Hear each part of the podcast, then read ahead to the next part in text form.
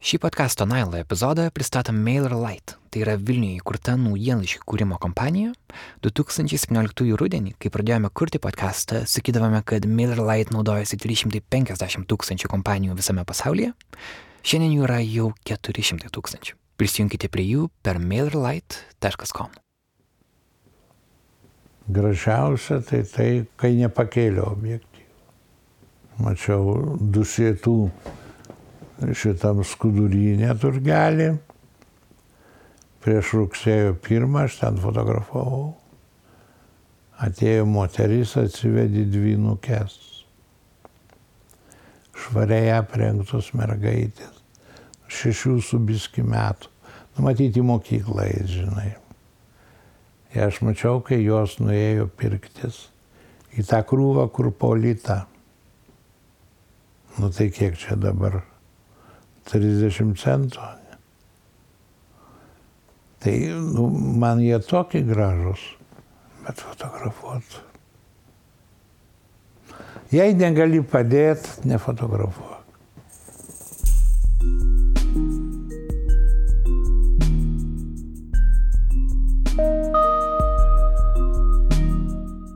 Be Antano Sutkaus lietuviška fotografija būtų iš esmės kitokia. Jis fotografavo paprastų Lietuvo žmonių gyvenimus, jo parodos surinktos nuo San Paulo iki Tokijo, nuo Los Andželo iki Maskvos. Sovietinės okupacijos metu Sutkus buvo vienas Lietuvos fotografijos meno sąjungos steigėjų, o nepriklausomai Lietuvoje jis tapo pirmoju fotomenininkų sąjungos vadovu. Nanukiai kuriejai fotožurnalistai Berta Tilmantaitė ir Artūras Morozovas susitiko su Antanu Sutkumi šią vasarą, kai jam buvo įteikta Ericho Solomono premija. Tai garbingas Vokietijos fotografijos asociacijos įvertinimas. Prie mikrofono Karolis Višnauskas iš Nanuk, jūs klausotės Nailo podcast'o.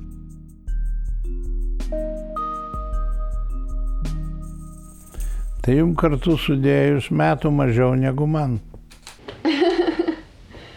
Aha.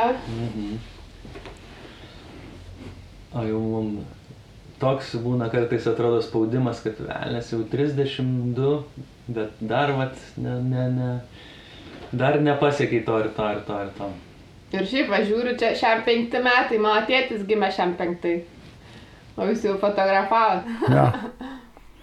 Aš jau buvau 26 metų. Noras susitikti buvo abipusis. Kartais, skaitydamas interviu su Sutkumi, Artūras maloniai nustebo.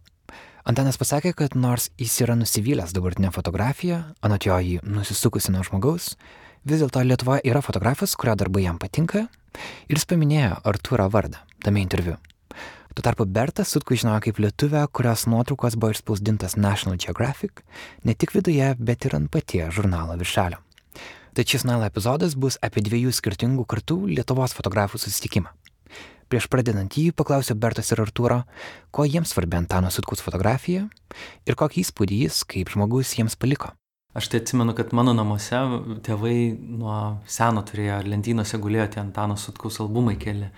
Ir aišku, aš užaugau su Antano Sutkaus darbais, vartydamas tuos albumus, žiūrėdamas jo nuotraukas, nuolatos atpažindavau kažkur matydamas mieste, parodose. Ir Antanas Sutkus ir dar pora jo kolegų, to laikmečio kartos kolegų iš tiesų, manau, kad suformavo Lietuvos fotografinį veidą ir, ir labai stipriai, aš savi, manau, įkvėpė ir ateities fotografus. Per jų nuotraukas mes atsimename praeitį. Mes suvokiam, kaip atrodė mūsų ten kažkokie protėviai, seneliai, kai, kokiais amatais jie užsiemė, kaip jie, nežinau, kokia buvo jų gyvenimo būdas, kokia, kokia kasdienybė, tai yra nepaprastai įdomu. Esu ėmus iš Antano interviu prieš galbūt devynerius metus su tuo metu kolega Gediminu Kajenu. Jam kartu, bet iš tų turbūt Antano portretų, tokių, kuris toks labai mm, atrodo impozantiškas, toks labai tarp, tarp cigarečių dūmų, toks netgi rustus kažkoks, atrodo labai toks kaip sunkiai gal prieinamas, kažkoks toks gazdinantis ir aš tą visą interviu tiesiog dvi valandas gal mes prie to stalo kažkaip mm, kalbėjomės, tai aš gal, nežinau, porą klausimų uždaviau drebančių balsų. Ir kažkaip... Bet tu jau buvai fotografė tuo metu. Mm, aš tada tai gal domėtis labiau pradėjau, žinojau, kas kaip yra, bet pati dar taip, gal taip tik tyrinėjau tą lauką. Mm. Bet šį kartą, kai skridote į Berliną visi trys kartu, buvo visai kitaip. Taip, toks, dabar jau buvo kitoks santykis ir tie pokalbiai buvo visai kitokie ir visiškai nebuvo baimės, nes... Antanas Sutkus labai mėgsta ledus, iš tikrųjų žiauriai mėgsta ledus. tai va čia mūsų buvo bruožas labai panašus. Ir, ir ji žmona, jo Rimas Sutkenė juvelyrininkė, e, vadina meškinu arba priklausomai nuo situacijos kartais ir gri, grizliu. tai Antanas šiaip jis toks yra lėtas, labai mielas, jo, nežinau, jo, jis viduje tiek turi gyvybės ir energijos, dėja gal šiame amžiuje, tokiame amžiuje neleidžia kūnas tiek. Jis pats sako, kad aš lėkčiau, jei tik kojas leistų ir kad viduje jaučiuosi daug jaunesnis negu jaučiu kūnu. Klausytojams bus netipiška, kaip lietai ir apgalvotai taip Antanas kalba, nes mes, jis bus vyriausias iš dabar esančių podkasto pašnekovų, jam šiuo metu yra berot 78. 9 suėjo. Aha. Ir galbūt mes prie tokio tempo nesam tiesiog įpratę, bet turbūt, kada tu su juo susėdi kartu, tą tokį lėtesnį tempą perėmė ir pats, ar ne?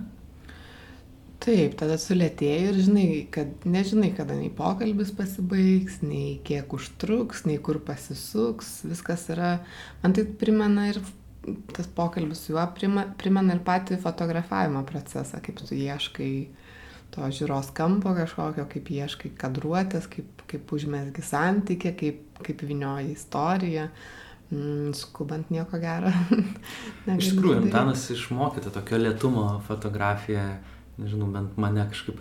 Ir daugybė davė tokių įdomių pamokų. Aš Berlyne, šitas pokalbis jo, jis yra jau, jau mums grįžus, bet aš vat, dabar žiūriu telefonę, turiu visokių užrašų, ką aš prisirašiau iš mūsų tos kelionės, Antano visokių minčių.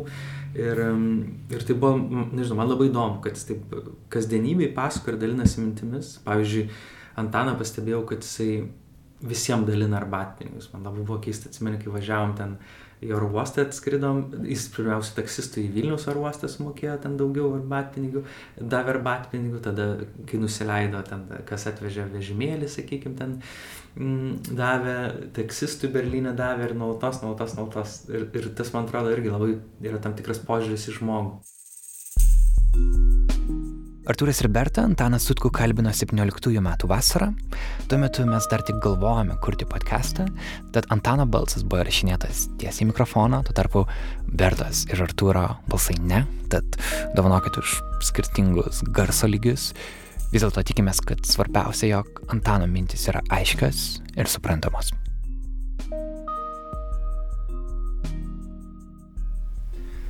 Dabar sakot, daug dirbat labai su archyvu kokius jausmus kelia tas žiūrėjimai praeitie užfiksuotus kadrus? Ar apskritai laimingas, pavyzdžiui, esat tai, ką matote ir ką randate savo kūrybai? Ar gal galvojat, kad gal yra kažkoks dalykų, kur norėtumėt sugrįžti, pataisyti?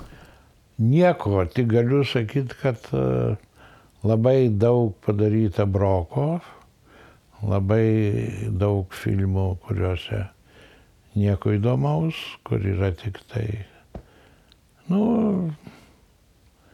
turėjau tokį blogą įprotį. Kai kadrą vieną nusižiūrėdavau, tris filmas išfotografuodavau, nuo to ta situacija nesikeisdavo. Ir ten, iš ten nei vieno kadro neiš. Nu tik tai va tiek, kad tai turi tokią galimybę, surandi savo kadrą fotografuota jaunystėje. Tai kai Faustui buvo, jis, jis norėjo jaunystę sugrįžti. Tai aš kaip Faustas, aš jaunystėje fotografuoju. Kam man šiandien fotografuoti? Geriau jaunystėje, nes šiandien vat, jūs, jūs galit nufotografuoti ir geriau už mane. Nes jūs tvirti, jauni, esate idealistai dar.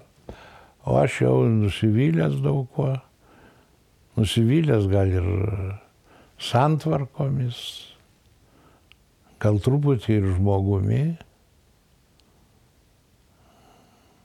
ir savimi. Tai man tik tai jaunystėje ieškoti.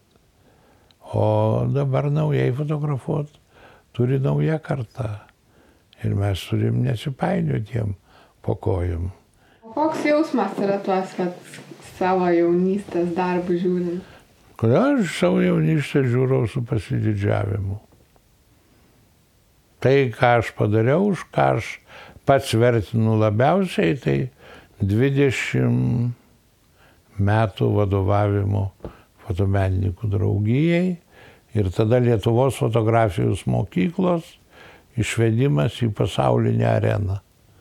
Tai buvo daroma labai su dideliam pastangom ir daromi dideli dalykai, dideli projektai. Aš net darydavau visas sąjunginės parodas Paryžiuje, UNESCO. Savo parodas mes išveždavome, nu, tada mes jau išgarsėjom Lietuvos fotografai. Ir mūsų tie kuratoriai, kurie už tai, kad padarydavo mūsų parodas, pasiimdavo fotografijas ir parduodavo jas, mums nieko nesakydami. Mes buvom laimingi, kad mes išeksponuoti arba publikuoti. Mums buvo tai labai svarbu, kad Lituanija, Sutkus, arba Rakauskas, arba ten kitas, žinai, va, pavardė, šalis.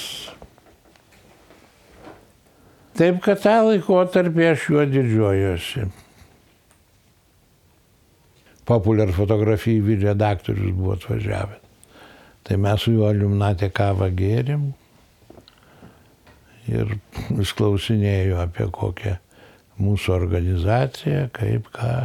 Šiam pasakojau, kad mes duodam popierių, apmokam už filmas, už retušavimą, kas dalyvauja parodose, užsienio parodose.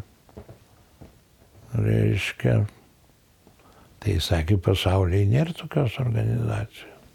O iš kur jūs pinigus įmat valdžia duoda? A, išgrauž sakau. Reiškia, mes susidirbdavom. Mes turėjom paėmę visą Sovietų sąjungos rinką. Turėjom kurortus, aeroflotą, nu, visą Sovietų sąjungos rinką, net karinę protivograždanskąją baroną, reiškia, e, protivograždanskąją, protivatomnąją. Aš matai jau irgi rusų kalbą gerokai užmiršau. Net tuos plakatus spausdindavom. Mes uždirbdavom pinigus. Tai jis man sako, tai ponas Sutkovis, vis, kad, reiškia, sako, jūs esate pirmas Tarybų sąjungoje kapitalistas. Nes jūs reiškia, paimit nuo svarbiausio. Paimit milijoninę rinką. Reiškia, šitiek daug respublikų, visa kita iš tiesų, nu vien Lutskus, kiek jis apvažiavęs, kiek jis reklamų padarė, žinai. Vienas Lutskus kiek padarydavo. O kiti tenai ir Kazėnas, ir Polis spalvotą fotografiją tobulai darydavo. Vienas garsiausių Antano Sutkaus nuotraukų buvo darytas 65 metais.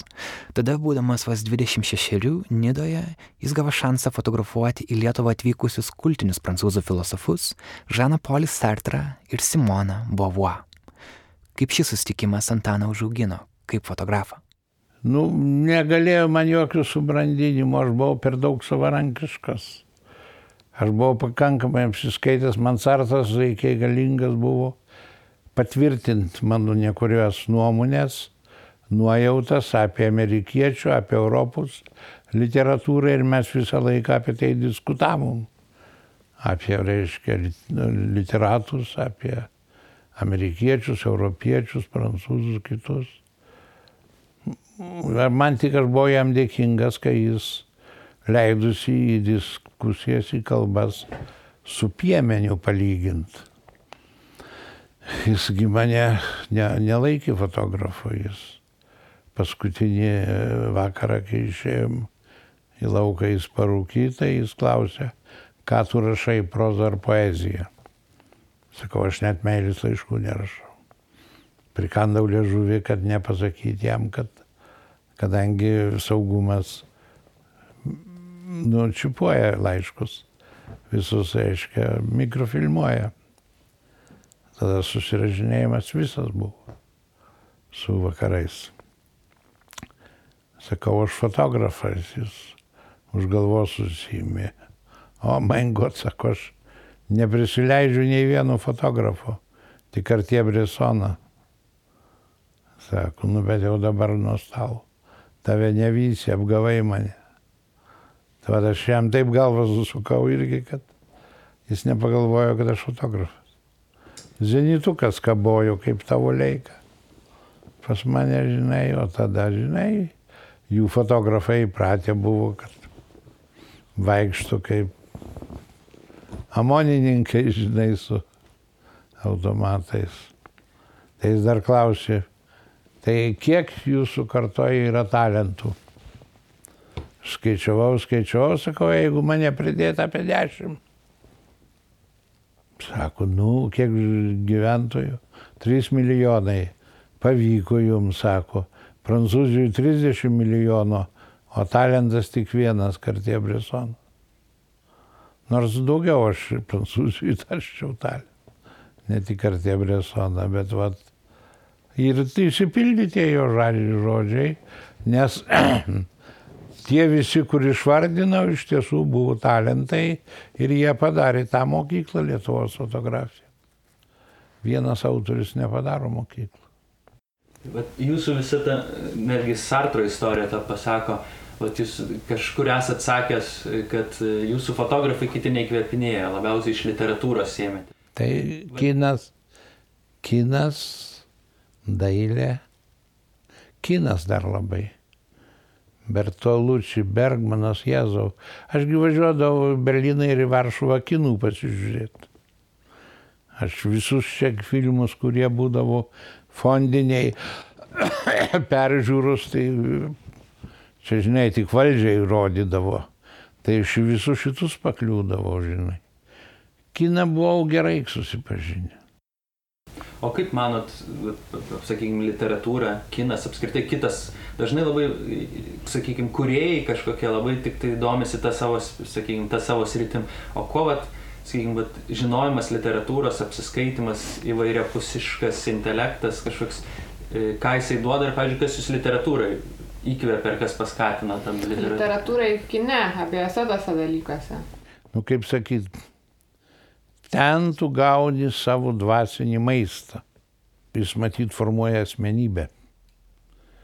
O jau, jau ta asmenybė daro kūrybą. Ir nebūtinai ta asmenybė tai irgi, žinot, aš nežinau. Tiesiog turi būti labai švarus žmogus. Čia gyveidrodis tu, kur atspindi. Jis turi būti labai nuvalytas, labai švarus. Ir jeigu nori kiekvieną žmogų taip atspaust, kad jį matytų taip, kaip tu jį matai, koks jis yra, net ne kaip aš jį matau. Mano netikslas, kaip aš matau tą žmogų. Mano tikslas padaryti toks, koks jis yra, kad jį perkelti į žiūrovų sąmonę Ir tam aš pasinaudoju savim viski. Kaip mediumų, žinai, vat, reiškia, lyg ir per save, bet man, manęs neturi matyti fotografijoje. Ir, ir, ir vat, kai dabar Aleksandраvičius daro, tai jis būtinai daro, kad būtų, kad jaustųsi jo pėtsakas. Tai aš skaitau portretę, nereikia mano pėtsako. Portretę reikia to žmogaus, kad būtų charakterė. Nu, o kuo kinas, nu, taigi, pavyzdžiui, be Granauskų, kas šiandienį literatūrą lietuvių. Be Apučio, be Marcinkievičio. Nu, tai, tai yra tai, kas, kas daro mus žmoniškesniais, kai aš paklausiau profesorės universitete. kokia, reiškia, menų užduotis. Sakė, atšilaviečių vaniečio lavieka. Žmogaus žmoginimas reiškia. Nu tai pradžiui save nusižmoginti, o paskui galėjau užsiimti jau. Bet tu tokiu tikslu nesiskaitai. Tu. Darai tiesiog, ką, ką tau diktuoja tavo pasąmonė, net nesąmonė, nesažinė. Ne.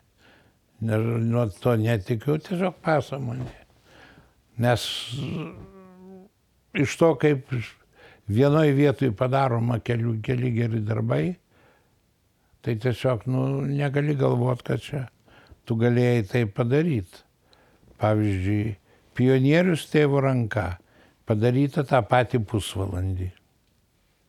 Ignalinos viduriniai mokykloje rugsėjo pirmąją. Dar viena, dvi nuotraukos gatvėje padaryta tą dieną ir dar dvi nuotraukos mokykloje. Tai reiškia penkios parodinės nuotraukos padarytos valandos bėgyje. Nu tai kas apšvies tave turėjo kažkas. Man pačiam mislė. Dažnai labai girdim, kai pristato kokį nors kurėją, menininką, apie talentą, kad sako, kad jisai yra talentas. Kažkoks, bet kiek manot, kiek tame talente yra tokios sunkaus darbo ir kantrybės kažkokios vat, važinėjimo, ir kiek svarbu ir apskritai, kas padaro kokios savybės e, tą sėkmingą, sakykim, kurėją. Jį padaro gyvenimas, jo biografija. Nuo vaikystės nuo gimimo, nuo genų irgi. Aš irgi nuo savo tėvo genų nepabėgu, jis buvo laisvamanis ir aš žiūriu laisvamanis, man visus valdžius kritikuoti. Jau aš kaip palaikiau šitą koaliciją, žiūriu, ką dabar. kaip manot, kokios vat, sėkmingos tokios, nežinau, sėkmės priežastys yra gero kurėjo? Nežinau. Jeigu kas žinotų, tai taip tas pats, kas perpetų, perpetų mobilę tuoj užpatentuotų sėkmės priežastis, jeigu. Čia kiekvienas, kiekvienas žmogus yra atskiras romanas, kaip va, ten vokiečių paroda mano vadinasi, kad katedra kiekviename veide. Kiekvienas žmogus yra romanas, tik jis nerašytojas, jis negali parašyti apie savo gyvenimą. O sėkmės talento. Talentas yra Dievo dovana, o Dievo dovanos mes niekada nei, neišsiprosim. Dovana, kaip kam būna ir nelaimė nes talentas būna ir pražutingas žmogui. Nežinau, aš nemanau, kad bandymai e,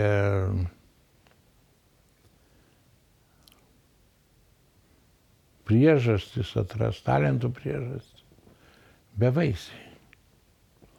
Mes netrasim čia, čia įėjimas į tai, kas nepažintina žmogui. O talentas, nu, kad talentas Lietuvoje nevertinamas, tai aš galiu pasakyti taip. Nes iš tiesų Lietuva savo talentų nevertina. Taip pat ir Kuršunovas ir kiti, sako, ten užsienį, žinai, E, po spektaklių ovacijus, visi laikraščiai rašo, atvažiuoja čia tyla mirtina. Taip daugelis atlikėjų ir užsienį įvertinti yra. Bet kodėl? Kokias to priežastis yra? Dvasinį tinginystę. Nu, aš jau neturiu sveikatos daug žavėtis ar kuo. Bet, nu, vat, gal mes tokie esame ir per santūrus. Mes pasikeitus šitai laisviai, mes gavom laisvę ir išreikšti savo ne tik neigiamą nuomonę, bet ir teigiamą. Bet mes su malonumu išreiškiam neigiamą nuomonę. Žiūrim per televizijos visas žinias, visas avarijas, kiek ką užmušė, kiek. O teigiamo mes neišreiškiam. Net ir žmogui vat nepaskambinam. Artūro aš nepaskambinau, kai jo paroda Kaune turėjo pasisekimą. Už tai, kad Rima man per vėlai telefoną įvedė. O paskui sakau, jau bus per vėlų. Nu, aš pripažinti reikia nuo savęs. Tokia dvasinė tinginystė yra. O iš tiesų tai reikia naudau, daugiau tą laisvę naudotis žmonėm sakyti gerus žodžius, nes tie geri žodžiai padeda jiem gyventi, padėtų jiem gyventi.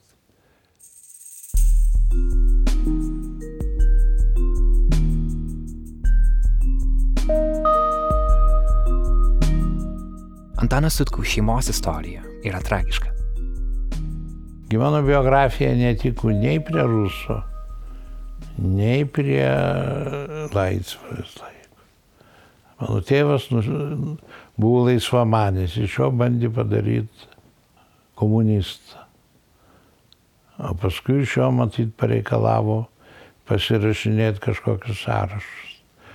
Tada jis atsisakė, jį pagrasino, kad sušaudys arba su šeima išveš į Sibirą.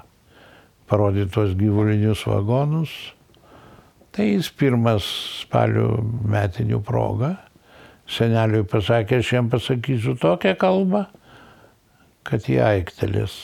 Ir jis vietoj to, kad valščiuje kalbą sakyt, nusišovė savo kabinetį.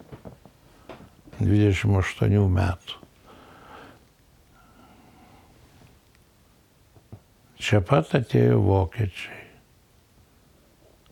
Motina pradėjo beveik kaip komunistų žmona, pradėjo ją persekioti, slapstėsi, ištekėjo už nepriklausomus Lietuvos karininkus. Čia pat atėjo rusai, motinai vėl reikėjo slapstytis, nes jis buvo karininkų žmona, kuris, reiškia, dingo be žinios.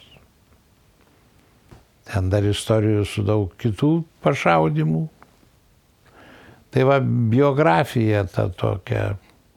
Nepaisant šios savo šeimos patirties, Antanas Sutkus išlieka be galo humanišku žmogumi, tokiu kaip ir jo nuotraukos. Rima išėjo, aš pradu, laukiau mašinai. Sakė, matė, kai moteriški pirkų tris bulves, kefyrą, dar ten batoną ar pusę, nu kažkiek. Sakau, nu tai reikėjo duoti. Tu sako, normaliai apsirengus, kaip aš jai duosiu tos pinigus, žinai. Atsupranti, va tokia atjauta mes nemokam padėti. Sugalvotų, pietėtis kažką sugalvotų, o šiaurėtis nemoka. Ir aš pamačiau tą moterį, ji išėjo už tos parduotuvės čia, įkiukas ar koks ten, už, reiškia, atsirėmė į sieną ir skaitė gražą centus. Man toks buvo smūgis.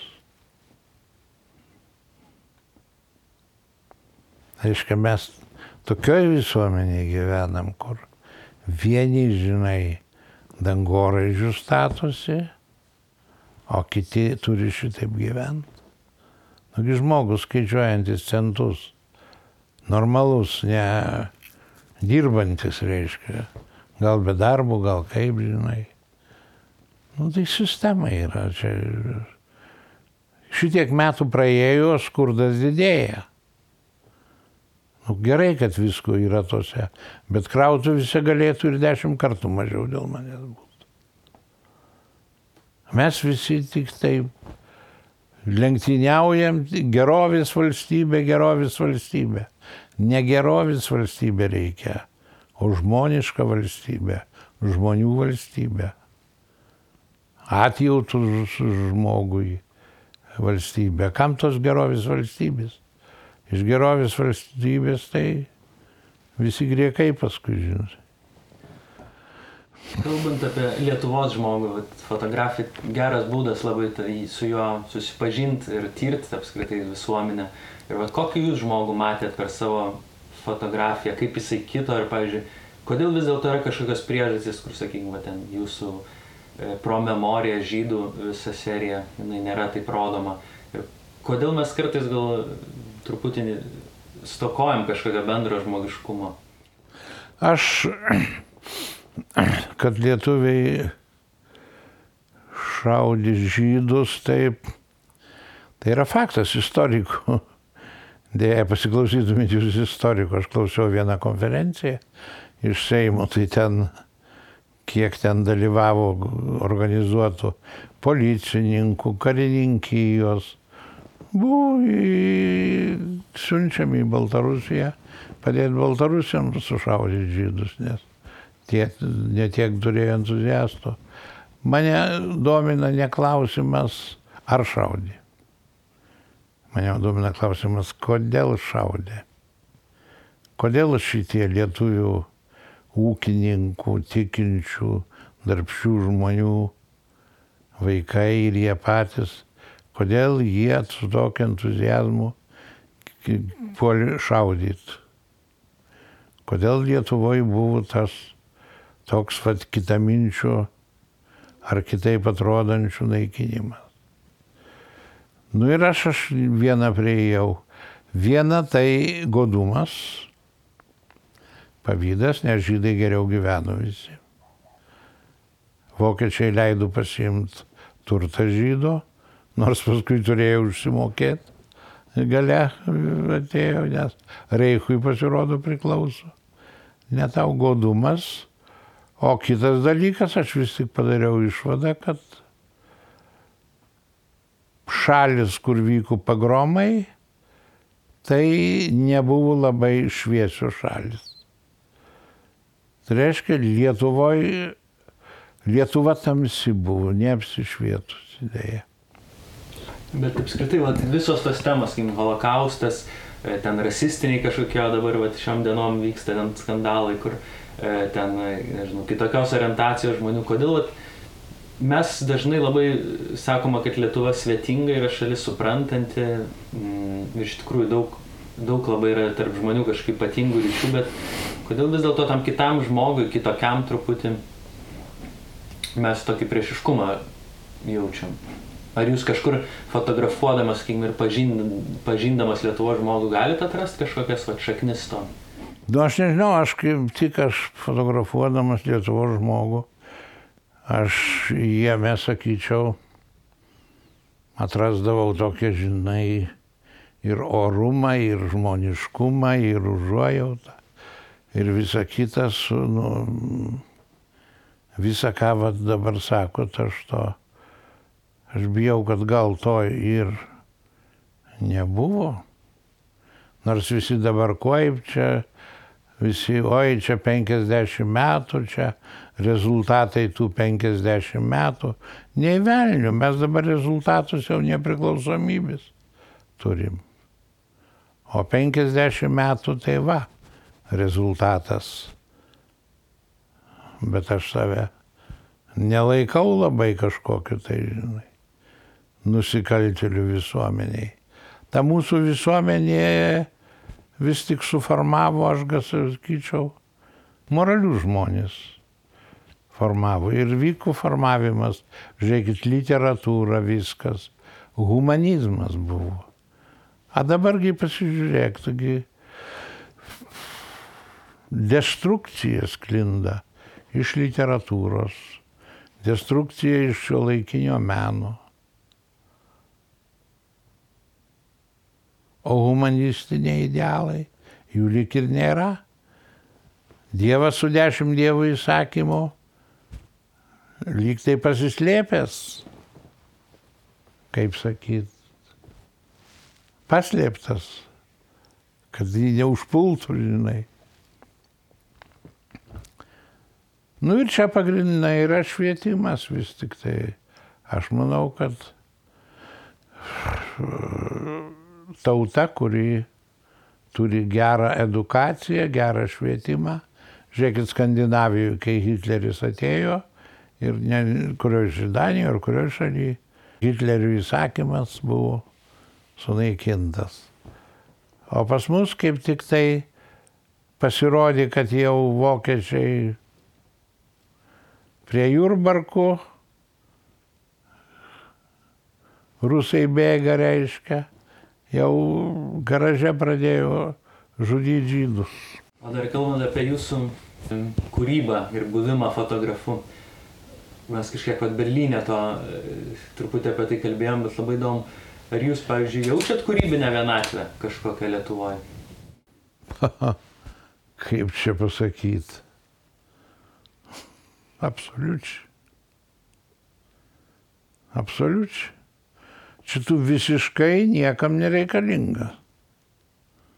Nu, aš nežinau, jeigu čia parodą padarai. Bet irgi aš, žinai, vad, užsienį tų parodų dariau. Ir man čia, nu, kad tu čia Lietuvoje nieko nerodai. Tai sakau, ne, aš nerodau, galerijų klauskit, žinai. Aš neturiu savo galerijos. Tai aš pabandžiau, žinai, vieną parodą gražintą iš užsienio, 120 darbų.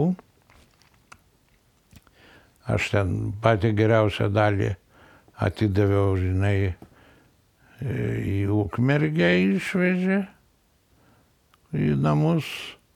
Kita dalis Santoriškise, kas liko dar pakabintas, tebe stovi.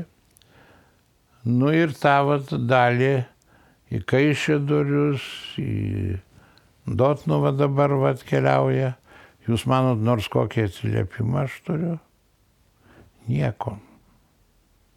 Gavau jūraičių laišką, kuris sako, kad reikėjo ten, kad mokiniai dailės mokyklos ateitų visą kitą. Nereikalinga. Klausantis interviu, Antanas Urkus man pasirodė kiek liūdnas ir nusivylęs dabartinė situacija Lietuvoje.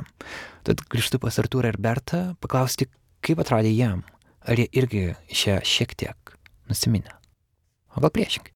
Antanas turbūt yra tas žmogus, kuris išgyveno tam tikras didžiulės dvi, du didžiulius pokyčius visuomenė, tai yra santvarkų pasikeitimą ir aišku, kai tu buvai tok, taip artimai pažįstamas su tuo Lietuvos žmogumis, kai ten Lietuvos kaimo žmogumi. Ir dabar jaučiu Antano kalboje tokio gal nusivylimą, gal tokios didelės emigracijos, kur, apie kurią jisai kalba, kad žmonės emigruoja ne tik dėl ekonominių kažkokių rodiklių, bet pirmiausia dėl to, kad jie ieško kapitalizmo su žmogaus veidu.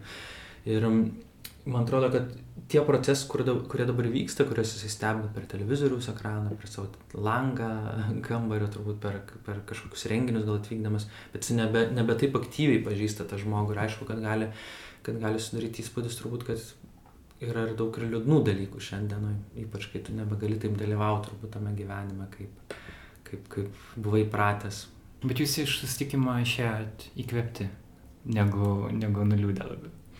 Aš nenaudočiau tą žodžią, aš naudočiau žodį gal, nežinau, susimastę. Susimastę. Nes dažniausiai mes toliau kalbam tarpusavį ir diskutuojam, sutinkam, nesutinkam, kaip mums atrodo, kas mums dar rūpi, kokie dar klausimai kyla. Ir aš manau, kad, nežinau, tas toks šiaip pozityvumas ar įkvėpimas dažnai gali būti paviršutiniškas, kad labai svarbu ir tą giliau palyst ir tas tamsesnes sroves pajust, nes jos irgi yra labai svarbios, ypač kalbant, dokumentuojant, ypač užsiimant fotožurnalistiką ir pasakojant istorijas apie žmonės, o ne šiaip apie grožį ir gėrį. Susitikimai su Antanu būna man visą laiką, nežinau, kažkokie labai vertingi, aš tikrai irgi taip pat, va, sakyčiau, tą žodį susimastę. Ir tas mąstymas, man atrodo, nu, yra labai labai svarbus, kad tu išeini su daugiau klausimų, gal nebūtinai su, tik su atsakymais. Ir ypač dabartiniam šiandienai, kai labai daug ten kalbam apie kažkokius influencerius, įkvėpėjus, nuolatos ieško visi kiekvienam žingsnė, kurie kaip būti įkvėptam, kaip pakilti ant tų sparnų ir turėti tokią kūrybinę energiją, tik ta kūrybinė energija svarbu, bet, bet labai norisi, bet, nežinau, man po pokalbio gal su Antanu, pokalbį su Berto, dažniausiai norisi kažkaip, nežinau, nert gilyn, prisiliest prie kažkokiam, prie kažkokios, nežinau, es, esmių kažkokių. Ir, ir ir tai kažkaip taip gaunasi, kad tada aš tolstu, pavyzdžiui, nuo fotožurnalistikos. Man, man nėra taip įdomi Lietuvoje fotožurnalistinė bendruomenė. E, yra daug įdomiau tiesiog tas pats žmogus, procesai, kurie čia vyksta šalyje. Čia gal tiktų ta žodis pilnatvė irgi, kai tu ne tik tą, tą šviesą žiūri ir tą gėrį, grožį, sparnus, įkvėpimus ir visą kitą, bet jauti ir tą svorį tokį, kuris tave traukia link žemės ir tokį, labai svarbu išlaikyti balansą, um, neužsimerkti prieš, prieš blogus dalykus, aišku, neleisti nutemti jiems tavęs į visišką neviltį ir, ir liūdėsi, bet suvokti juos yra labai svarbu nes kitaip negalėsi papasakoti tų tokių išbaigtų pilnavertiškų istorijų. Kiek žmogui, manot, yra svarbus įvertinimas ir aplinkos palaikymas? Žinot, aš jums pasakysiu, nors mes sakome, paprastai kuriejai sako, kad oi, mums čia vis vien, mums nesvarbu, netikėkite. Netikėkite kiekvienam tėvui ir motinai labai svarbu, ką žmonės galvoja apie jo vaiką ar dukterį. Ką pasakys. Tai ir kiekvienam kuriejui labai svarbu palaikymas, labai svarbu įvertinimas. Gal ten paskui jis kaip kur ir perdėtas, kai ten minios, žinai, šaukia ura atlikėjams, žinai. Aš galvoju, jie turbūt prisigėrė arba narkotikų prisiryja, kad šitie gali šokinėti ir šauktų ura, žinai. Nors aš kažkada dar buvau kokerio ar kieno koncerte irgi dar šūktelėjau porą kartų. Nežinau kieno iš tokių. Iš tokių senų dainininkų. Nu, nesenų jis buvo už mane jaunesnis. Vilniui stadione buvo čia.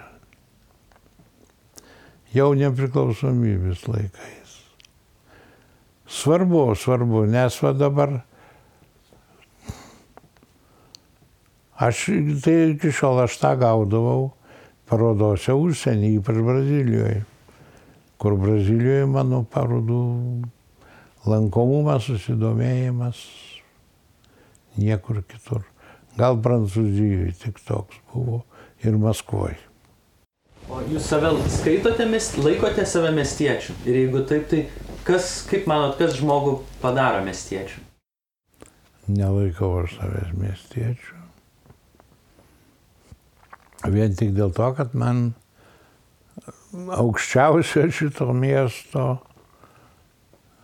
stadija būties Tai yra atsisėsti čia vat ant to suoliukų ir žiūrėti į tos drebulės lapus, kai vėjas juos pučia.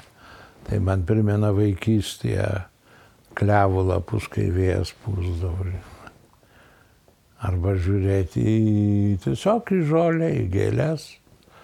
Tai čia nelabai miestietiška. Aš nesinaudoju miesto privalumais. Aš, mano vienas bičiulis nori išsikelt ir gyventi į mišką. Aukštas pareigas labai ėjęs. Sako, aš sėdėsiu ir žiūrėsiu, žinai, hektarą užsisodinsiu. Javai, sako, žinai, žiūrėsiu, kaip vėjas pučia. Aš irgi žiūrėdavau, kaip vėjas pučia per javus. Ir taip, kad, žinai, labai, nu, toks tiesiog O čia, čia kažkokia abstrakcija tai būtų, kad kažkas galėtų padaryti tą tokį. Vėjų pučiamų javų, žinai, Vilnymą tokį, žinai. Ne, aš tik tai kaimo vaikas, kaimo. Už tai turbūt ir neemigravau, kad kaimo. Nes aš visien buvau toks ir patriotas, ir idiotas. Aš skaičiau, kad reikalingas esi savo tėvynėje. O, o, o kai dabar, kai pasirodo, tai tu toj tėviniai nelabai reikalingas. Jeigu tavęs čia nebūtų, būtų geriau. Nes tu čia ir kartais jiem pasakai, ką nors netinkamo, o būtum kitur, nežinotum, nežiūrėtum žinių, supranti. O tokie patogiausi piliečiai, tai kaip Venslova. Dėstų rusų kalbą Amerikos universitete, gyvena kaip žmogus, atvažiuoja čia, parašo knygą, papamokslauja ir Nobelio premijos laukia, žinai, vat. A tu čia pagyvenk. Pagyvenk va čia. Ne ant atlyginimo amerikietiško ir ne ant amerikietiškos pensijos. Nors jis dar dėsto Amerikoje.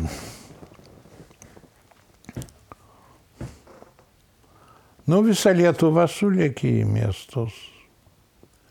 Ap, apleido kaimą blogai. Mes apleidom savo šaknis. Turite kartą užaugusi kaime. Mano svajonė būtų tai pamatyti dar kartą, kuri užaugusi kaime. Bet dabar tokios beveik nėra jau. Visi bėga iš kaimo. Kaip mes pokario metais bėgom iš kaimų, bet tai mes bėgom nuo žiaurios tikrovės. Nuo šaudimų, nuo stribų, nuo naktinių nemigų. Aš iki šiol pilmam aukšte negalėjau miegoti, nes bijodavom naktį beldimų į langą. Nežinai, kas ateis. Gal miškiniai pažįstami, gal nepažįstami. Gal stribai persirengia miškiniais. Nieko ne. Buvo toks, žinot. Tai nuo to bėgom. O dabar bėga iš kaimo, kad sistema, kapitalistinė sistema, šita, kuri reiškia su laisvė. Deja, su laisvė ne, nebuvo grupės akademikų, kurie būtų numatę perėjimą iš kapitalistinės sistemos, iš socialistinės sistemos į kapitalistinę, kad kažkokius tai buferius padaryti. Buvo leista pačių žiauriausių metodų. Fabrikų direktoriai, kolūkių tarybinių ūkių pirmininkai privatizavo už čekius susipirkę, už dyką tapo kapitalistais pirmaisiais. Arba mafija supirko turtą. O žmonės išmetė į gatvę ir tie žmonės ką nuėjo gert. O ką pamatėt gražiausia per savo objektyvą? Kas jums šiaip yra palikę įspūdį? Hu, hu, hu. Santykiai. Gražiausia tai tai, kai nepakėlė objektyvą. Mačiau dusėtų šitam skudurynė turgelį. Prieš rugsėjo pirmą aš ten fotografavau. Atėjo moteris, atsivedė dvynukės. Švariai aprengtos mergaitės. Šešių su biski metų. Numatyti mokyklą, žinai.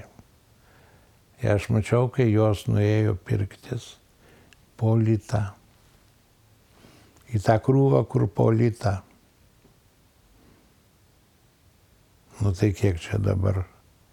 30 centų. Tai nu, man jie tokie gražus, bet fotografuot. Jei negali padėti, nefotografuok.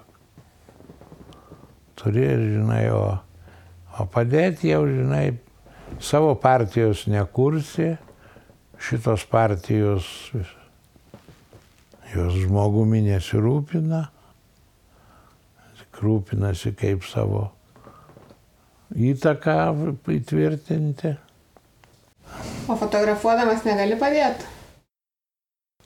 Galbūt gali, bet turi labai daug fotografuoti, labai laiku parodyti. Reikia turėti vis tik tam tikrą grupę. Vienas turi būti genijus, kad galėtum padėti. Keliesi. Kaip mes buvom. Mes buvom dešimt fotografų ir visi skirtingi. Nei vienas kitam nepavydėjom. O ar viską reikia fotografuoti? Ir ar, sakot, gražius dalykus buvo ir tų, kurių nenufotografavot? Kartais fotografai, nežinau, aš pats dažnai atrodo, kad viską būtinai reikia fotografuoti, ką matai. O, vat, ar buvo tokių dalykų, ką jūs, vat, pavyzdžiui, matėt, bet nefotografavot? Nu, aš, jeigu negali padėti, nefotografuok žmonių nelaimės. Ir nelaimingų žmonių, nes jie net nežino, kad jie nelaimingi. Kaip tos mano dvi dvinukės su mama. Nu tai aišku, nelaimingi, bėdni žmonės, provincijoje, žinai. Nu bet jie savotiškai laimingesni už mane galbūt. Nors aš čia su džipu stovėjau, žinai, ten aš su tuo aparatu vaikščiau, tai kažkoks toks kriminalas, žinai, aš čia tavo aparatą sudaužysiu. Palauk, sakau savo, aš savo džipą įsivarysiu, tai tavo šitą visą Fordą sudaužysiu. Tu man nežinsies iš turgaus čia ir aš išvariau džipą mūsų. Viskas nutilo, atsiprašė, žinai. Nu, reikia fotografuoti, reikia fotografuoti. Mes net nežinom, ką reikia fotografuoti. O tas ir yra, kad žinotum, ką reikia fotografuoti. Žinai, ką reikėjo fotografuoti. O aš kai žiūrau savo archyvų, tai aš džiaugiuosi, kad aš padariau tai, ką reikėjo. Visą tai reikėjo fotografuoti. Vat ir toks kadras, kuris vienintelis padarytas, žinai, tai reikėjo. Ir, ir dabar iš to vat, man įdomus buvo to Bernardino redaktoriaus ten straipsnėje, kuris sako, kad reiškia, kad aš kaip iš krikščionių, iš fotografų vienintelis, kuris reiškia ne fotografuoja ne save, o fotografuoja tą žmogų nes kiekvienas žmogus yra sukurtas pagal Dievo atvaizdą. Škai kiekviename žmoguje yra Dievas. Ir tą reikia žinot. Ir su tuo labai skaitytis.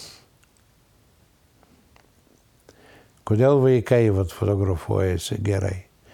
Nes jeigu su jais rimtai išnekėsi, tai jie su tavim irgi rimtai išneka ir jie jokių atsiskleidžia prieš tave, žinai, kaip.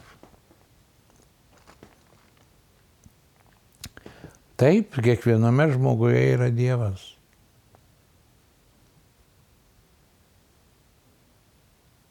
Gal ir velnio kažkiek. Sartras sakė, jam neringui taip buvo gražu, taip gražu. Brenda sako, nu nepatikėsiu, kad vienas Dievas tokį grožį sukūrė. Turbūt ir šeitonas padėjo, žinai. Nu, vad su Sartru sakot, nu, įtaką galėjo turėti. Man nieks įtakos, manau, negalėjo turėti. Man įtakos galėjo turėti tai, kas aš norėjau, kad turėtų man įtakos. Tai va tie filmai, kur važiuodavom mes, mes su auksė važiuodavom į Maskvą, į tai yra į Peterburgą, buvusi Leningradą, žiūrėti Amerikos New York City baliai. Ir aš iki šiol atsimenu pavardės. Moderniojo baletų Robinsas vadovas, o klasikinio baletų Balanšinas. Bet tai stebuklingas baletas buvo, žinai, va aš pirmą kartą mačiau, kai gulbi pašoka ir sekundės dalims kelims sustoja, ore kabo. Tai talį, salė tyli, tyli. Ir paskui baigė tą savo šokį. Nu tai aukšto lygio labai baletą. Minskė atvažiuodavo, Milanų teatras. Ne aš suprantu itališkai, nei ko, bet su Baliu Bratkausku ir žmona jo Irena Leonavičiūtė ir aš su savo žmona. Sėda jis užvalgus, varom žiūrėti į Minską šito Milano teatro. Nu, tada buvo toks alkis, kurį, nu, meno pažinimo alkis, gyvenimo pažinimo alkis. Nu, žinoma, gražiausia yra santykiai. Ir fotografijoje tai sunkiausia, bet ir gražiausia fotografuoti santykius tarp žmonių. Bet jie turi būti. Va aš Brazilijoje pamačiau išlikusius santykius tarp žmonių. Aš ten pasijutau kaip tėvynė, žinai. Aš gyvenau, pavyzdžiui, privačiam name ten, policininkas ten kelia saugojų į favelas, jeigu iš ten duotų jam signalą, kad bėga koks narkotikų dileris. Tai antrą dieną jau mes su juo šnekėjomis. Nors aš nemoku nei portugališkai, nei angliškai. Jis nei angliškai, nei kitaip, bet mes susišnekėjom. Kavinėje aš valgydavau pusryčius ir kavinė buvo taip. Pusė staliuko iškišta į gatvę, bet aplamai tai kavinėje. Tai aš per pusryčių žiūriu į žmonės, eina, žinai, tokį, žinai, pagyvenę labai, žinai, moteris, pasipuošusius. Nu, tokie žmonės matosi, žinai, Antrą dieną jie eina, jie su manim sveikinasi. Aš jau savas, nes jau vieną dieną jie matė, kad aš valgau ir akim susitikom, o antrą kartą jau mes susitikę akim pasisveikinam. Tai va ir ten, pavyzdžiui, moteris su vaiku mažu. Visur prie lėktuvų gali šimtas žmonių būti. Prasiskiria ir moteris su savo visa giminė su tuo mažu kūdikiu ant rankų ir dar su manim surima, visi beilės į lėktuvą sulipa. Nu, va, tas yra už tai šitas popiežius, kaip tas Paulius, ne, buvęs prieš šitą, prieš aną. Tai pasakė Amerika pietų vilties kontinentas. Vis vien, kad jie ir turi problemų žudosi, šaudosi, bet jie išlaikė santykius tarp žmonių. Suprantate, iš tiesų, kad ten, žinai, matai tu ir milijonierių, kuris, žinai, galbūt laimingas paplūdimi, bet ten gali būti ir iš favelo gyventojas. Jis irgi laimingas, žinai. Kaip mums, bet Lietuvoje to išmokti? klimato kaita gal šiluma. Mums trūksta šilumos pralčiaja to žodžio prasme. Nuo dvasinės šilumos viens kitam ir šilumos klimatinės. Mums trūksta saulės, mums trūksta saulės ir santykius. Ir vertinime, ir kolegų vertinime, ir visa kita. Nu, tiesiog mes turim daug priemonių susisiekimo, bet jų nepanaudojam. Vat, pamatėjai per televiziją, patiko po ko pasisakymas ar meno kūrinys kieno. Paskambik ir pasakyk, arba žinutę nusiusk. Bet mes į tai jau einam. Aš kiek gavau, apie 500 žinučių sveikinimų. Aš skaitau labai daug.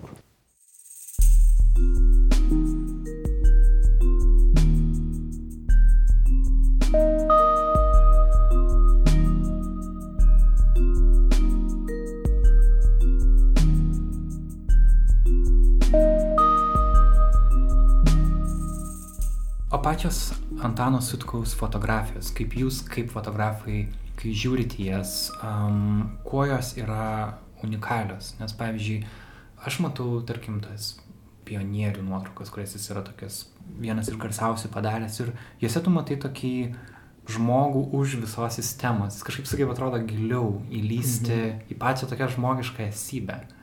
Mhm. Bet įdomu, kaip jums atrodo, kodėl Antano nuotraukos yra vertingos jums? Mano nuomonė, tu čia ir palėtė tą tokį patį įdomiausią ir svarbiausią dalyką, kas, kas yra jo nuotraukos ypatinga.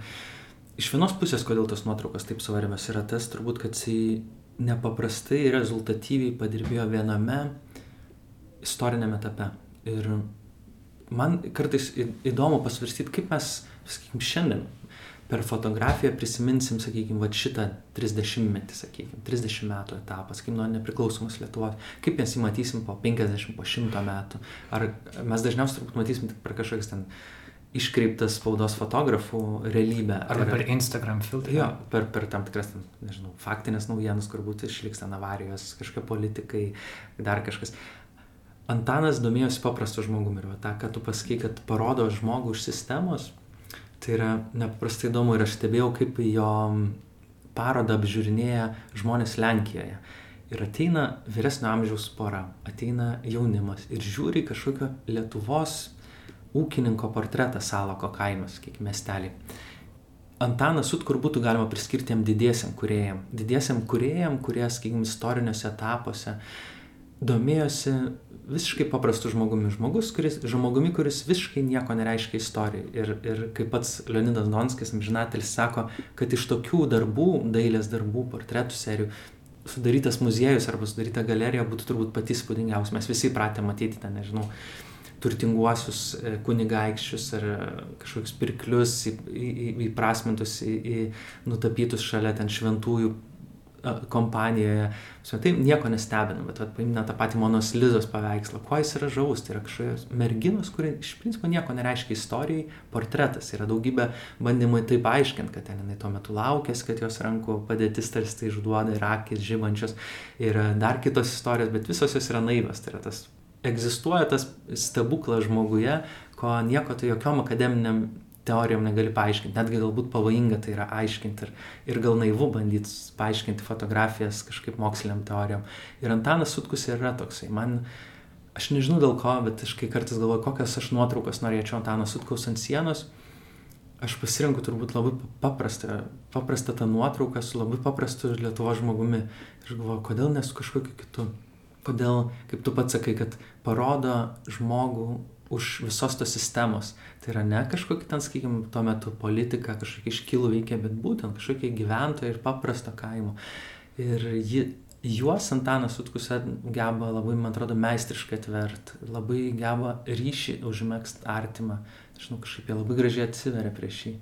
Aš tai dabar galvoju ir neatsimenu, ar aš skaičiau uh, Antano pasakymą, ar kalbėjom su juo, o gal čia buvo visiškai kitas fotografas, bet čia labai tinka ir Antanai, tai kad, mm, kad žmonės kartais klausia, o fotografuota gal čia ir čia tais metais, nes čia lyg panašu į mano ten tėtį ar senelį ir būna fotografuota ne ten ir ne tais metais, o visai kitur ir, ir kitų laikotarpių, bet va tai, kad žmonės galvoja ir atpažįsta kažką savo, kad galvoja, kad galbūt čia jų, čia kažkas, čia tikrai atrodo kaip tas kažkas, kas jiem yra artimas, nors iš tikrųjų yra ne tas ir ne ten. Bet va būtent tas toks susitapatinimo galimybė, galvojimas, kad čia galėjo būti mano senelis, jis ir panašus į mano senelio, gal ir buvo mano senelis, o iš tikrųjų ne, bet tas at, artimumo e, jausmas yra svarbus.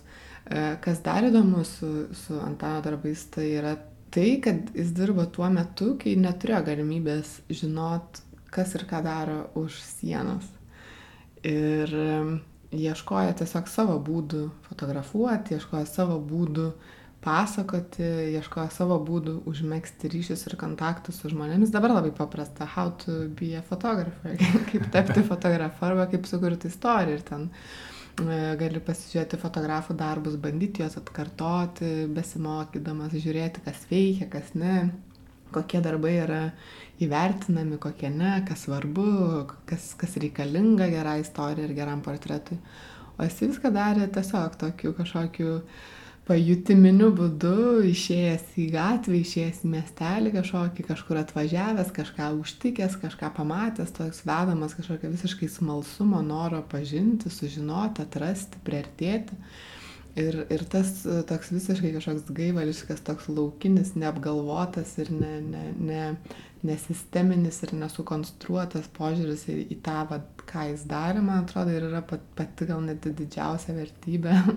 O kad, o kad tai jis pasiekė, kad jisai va, sugebėjo nežinau, paliestus tokius bendražmogiškus dalykus, ką tu sakei, atsimenu, man atrodo, čia jo buvo e, atsiminimas, kaip Prancūzijoje kažkas prie jo prieėjo ir žiūrėdamas kažkokį ten Lietuvos aukštaičio portretą ir sakyti, ar čia nėra mano, kaime, mano kaimynas iš to, to ir to kaimelio Bordo regione. Tai yra, va, čia yra tie tarp žmogiški, šie bendražmogiški dalykai, kurie, man atrodo, kuriuos užfiksuot geba tik tai nepaprastai stiprus kuriejai. Ir tai, kad Antano Sutkaus darbai buvo ilgai parduodami kaip Andri Kartie Bressono, ta prasme, žymiausių turbūt visų laikų fotografo. Čia rimtai. Taip. Wow. tai tik įrodo, kad tas jo kelias, ieškojimas su labai daug klydimų tikrai ir jis pats pripažįsta, tai kad buvo daugybė ir klaidų padaryti, bet ties tas unikalus kelias jį ir sukūrė turbūt vienu įdomiausių Europos fotografų. Ir aš net nebejoju, kad jeigu būtų galimybė išvežti jo darbus, king ten tuo metu vežti į, į užsienį ir, ir bendrautiems užsienio kolegom, aš manau, kad jis būtų top 10 pasaulio fotografų.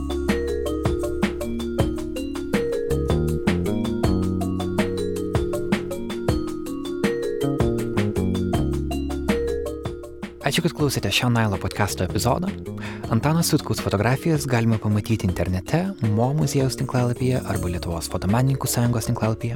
Bet geriausia tiesiog įsigyti Sutkaus nuotraukų albumą ir matyti jo nuotraukas atspausdintas ant popieriaus.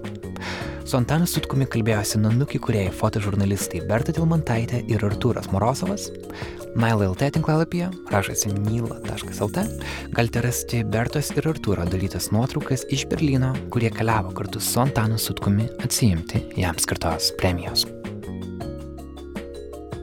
Podcastą kūrėme su klausytojų parama, kviečiame jūs prisidėti adresu patreon.com pasvirasis brūkšnys, nanuk multimedia, kaip vienas žodis.